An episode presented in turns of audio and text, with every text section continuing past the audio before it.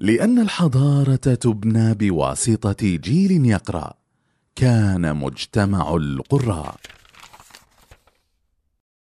سيموت كبارهم وينسى صغارهم.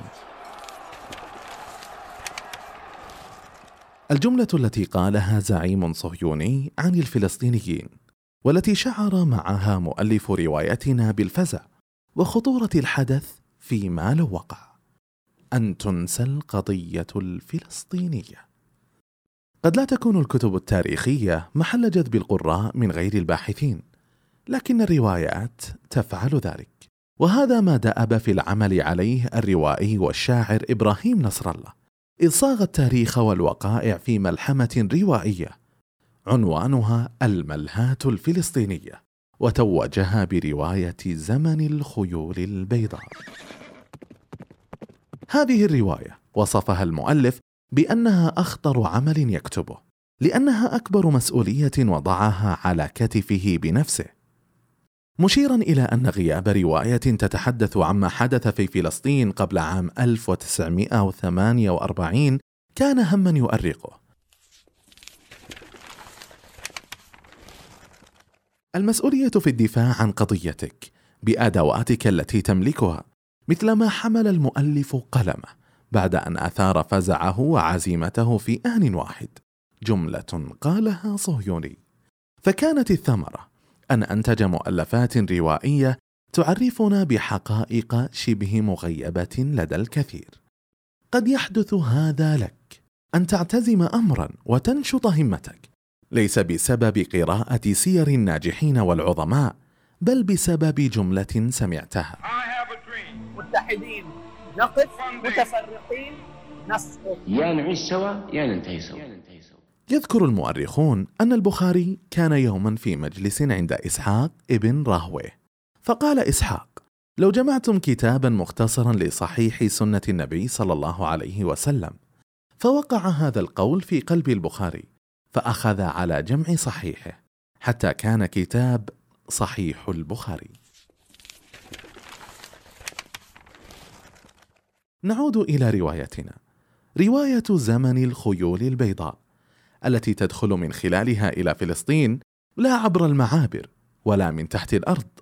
تدخلها عبر أحاديث الذاكرة التي جمعها الكاتب من شهادات كبار السن وبدأ العمل عليها قبل 22 عاما من نشر الرواية. تشهد مع الكاتب حكاية شعب حقيقي كان يحيا فوق أرض فلسطين. ترى بمخيلتك الأشخاص. الرجل الأب الأخ الزوج الابن والمرأة الفلسطينية. لم تغب عن الأحداث.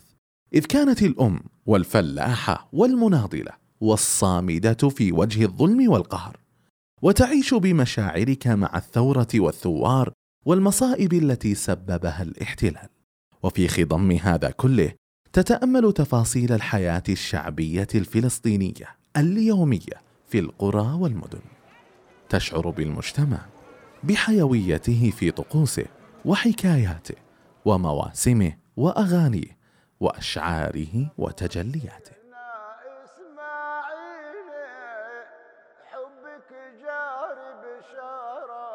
ومع هذه الحقائق والتفاصيل التي حملتها الرواية حملت أيضا الألم والأمل. مثل ما يحمل الفلسطينيون آمالهم التي يجسدها المفتاح والكوشان الذي هو عبارة عن أوراق إثبات ملكية بيوتهم داخل الأراضي المحتلة منذ عام 1948 على أمل أن يعودوا لها. هو رمز أمل عودة الفلسطينيين يتوارثونه من آبائهم وأجدادهم قبل ذلك. هذا الرمز وتمسكهم به نبع من إيمانهم بقضيتهم وحقهم ومسؤوليتهم في توريثه لأبنائهم بل ويمتد شعورهم بالمسؤولية لما هو أكثر من ذلك مثل مسؤولية الكاتب في نقل الوقائع بهذه الحبكة العالية. فكما قيل إيماننا بالقضية الكبيرة يحتم علينا إيجاد مستويات فنية عالية للتعبير عنها. ماذا عنك؟ ما الأمل الذي يملأك؟ ما القضية التي تسكنك؟ ما المسؤولية التي تحركك؟ هل عملت عليها؟